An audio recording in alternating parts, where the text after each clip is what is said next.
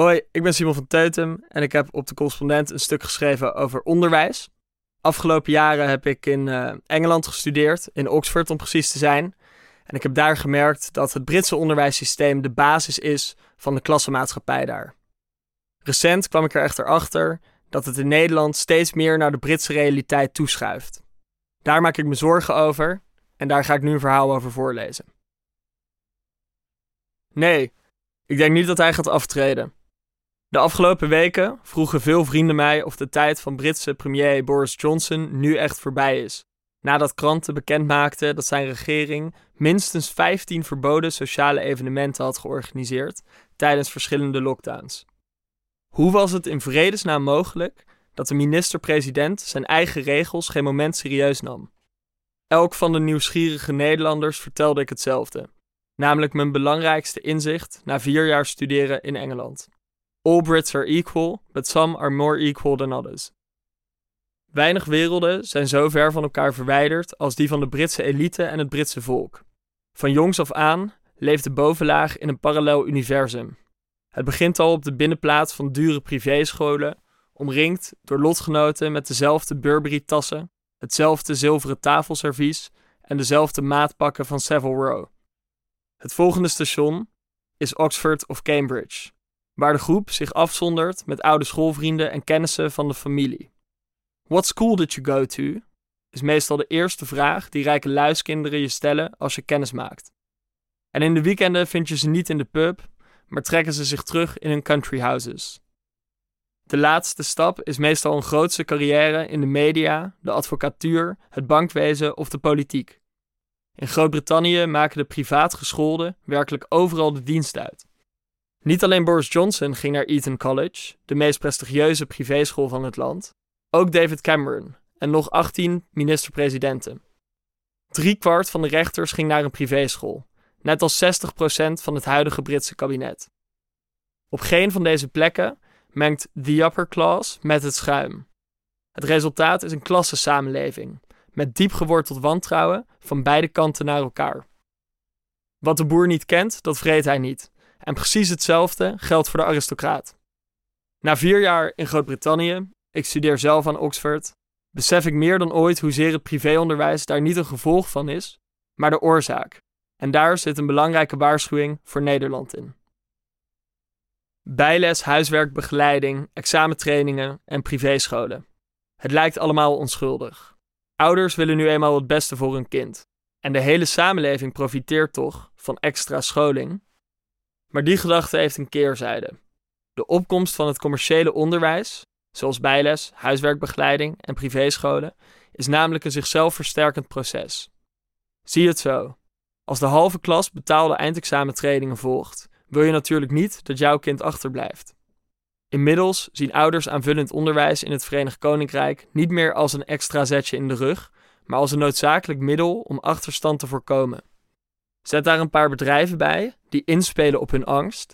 En voor je het weet zijn Britten jaarlijks tientallen miljarden kwijt aan de onderwijsmarkt. Nergens in de geïndustrialiseerde wereld geven gezinnen, los van belastingen, zo'n groot deel van hun inkomen uit aan onderwijs als in het Verenigd Koninkrijk. Dit zichzelf versterkende proces schaadt kansengelijkheid en is dus onrechtvaardig.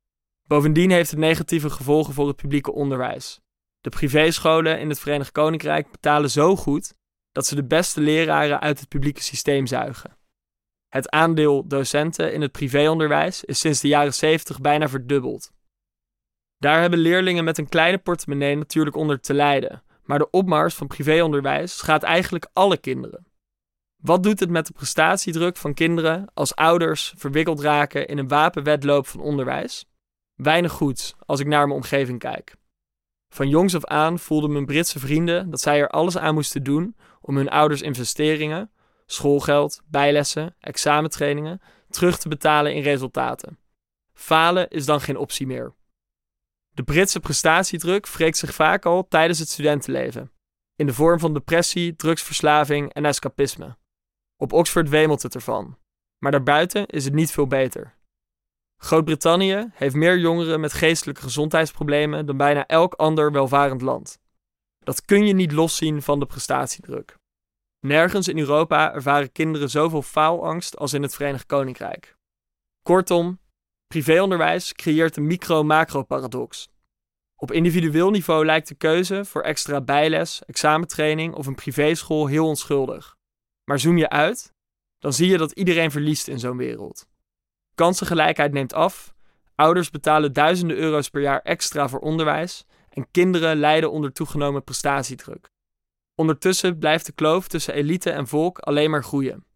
Vind je het gek dat de premier en zijn kompanen denken dat de regels voor het volk niet voor hen opgaan? En het ergste is, zodra die wereld een feit is, ontsnap je er niet meer aan. Vorig jaar publiceerde onderwijsdeskundige Sonja Exley van de London School of Economics een onderzoek waarin ze concludeert dat landen opgesloten kunnen raken in hun afhankelijkheid van privaat aanvullend onderwijs. Er is sprake van een tipping point. Als de industrie te groot is geworden, dan wordt het te duur om deze aan te pakken zonder grote schade te doen aan het onderwijs. De politieke wil ontbreekt dan. En laat dat dan die waarschuwing aan Nederland zijn. Toen ik het kanaal overstak, schrok ik van de Britse realiteit. In mijn debatclub voelde ik bij de Happy Few vaak een eigendunkelijke minachting voor mensen buiten hun bubbel. Soms gaat dit gedrag hand in hand met klassendiscriminatie, seksisme en racisme. Een kennis van de Bullingdon Club, waar Boris Johnson, David Cameron en George Osborne lid van waren, vroeg eens aan een zwarte vriend van me of hij toevallig de uitsmijter van het feest was. Wanneer ik bij vrienden thuis over de vloer kwam, zag ik telkens ouders in hun nek hijgen. En zodra ze hoorden dat je stage ging lopen bij een prestigieuze bank, consultant of advocatenkantoor, werd de rode loper voor je uitgerold. Nederland bood eerlijkere kansen en minder prestatiedruk aan leerlingen. Zo schepte ik op tegen mijn Britse vrienden. Natuurlijk is er bij ons ook een kloof tussen arm en rijk, maar wij hadden in elk geval het belangrijkste schild daartegen: een sterk publiek onderwijssysteem. Zo had ik dat zelf ervaren, dus dat was mijn opvatting. Tot twee maanden geleden. Toen kwam ik erachter dat Nederland op dit vlak schrikbarend snel naar het Verenigd Koninkrijk toeschuift. Ruim een kwart van de Nederlandse leerlingen krijgt nu al aanvullend onderwijs, zoals bijles, huiswerkbegeleiding en examentraining. Dat is prijzig, dus vooral rijke gezinnen maken er gebruik van. De markt dringt ondertussen steeds dieper de lerarenkamer binnen. Van de 90 miljoen euro coronasubsidie die de overheid in 2020 uitkeerde aan middelbare scholen, verdween een derde in de zakken van commerciële bedrijven. Bijlesbureaus en huiswerkinstituten bieden hun diensten aan op scholen, in ruil voor reclame en gratis huisvesting. Bovendien is het aantal particuliere scholen in het basisonderwijs in drie jaar bijna verdubbeld. Het schoolgeld van die scholen varieert van 12.000 tot wel 22.000 euro per jaar. Maar de meest schrikbarende cijfers komen nog. Ouders gaven in 2019 ruim twee keer zoveel uit aan huiswerkbegeleiding, bijles en examentraining als in 2013. Dat bedrag is sinds 1995 vertienvoudigd. Ook in Nederland hebben ouders dus een wedloop ontketend om hun kind een streepje voor te geven op de rest. Bedrijven maken daar gulzig gebruik van. Jaarlijks komen er ruim 100 bijles- en huiswerkinstituten bij. Zo onderzocht het journalistieke platform Investico. Logisch ook. Ondernemers snappen dat aan niemand zo makkelijk geld te verdienen is als aan ouders die het beste voor hun kind willen en bang zijn dat ze achterop raken. In tegenstelling tot het Verenigd Koninkrijk kan Nederland dit tij nu nog keren. De vraag is alleen hoe. De Onderwijsraad pleit in elk geval voor een verbod op reclame voor private bijles en huiswerkbegeleiding op publieke scholen. Ook vindt de Raad dat de regering een duidelijk standpunt moet innemen over het publieke karakter van onderwijs en de ontwikkelingen nauwkeuriger in beeld moet brengen. Die stappen zijn noodzakelijk, maar onvoldoende. Wil Nederland het probleem echt bij de wortel aanpakken, dan moeten we het privéonderwijs zien voor wat het daadwerkelijk is. Betere kansen die rijke ouders kopen voor hun kinderen. Daarom zou de overheid onderwijsbedrijven moeten verplichten hun cliënten door te geven aan scholen, die daarvan een aantekening maken op de diploma's van de begunstigden. Wil je een voorsprong kopen voor je kind? Prima, maar dan moet je daar wel transparant over zijn. En kunnen universiteiten en werkgevers dat meewegen in hun beslissingen? Tot slot is het absurd dat onderwijsbedrijven vrijgesteld zijn van omzetbelasting. Daarmee subsidieert de overheid ongelijkheid in kansen, want zij voorziet rijke ouders van een korting op dure bijlesbureaus. De fiscus zou deze clubs juist zwaar moeten belasten. Van dat geld kan er dan meer publieke ondersteuning komen voor kinderen met leerstoornissen of een achterstand. Dan is bijles ook niet meer nodig als plaatsvervanger voor ontoereikend onderwijs.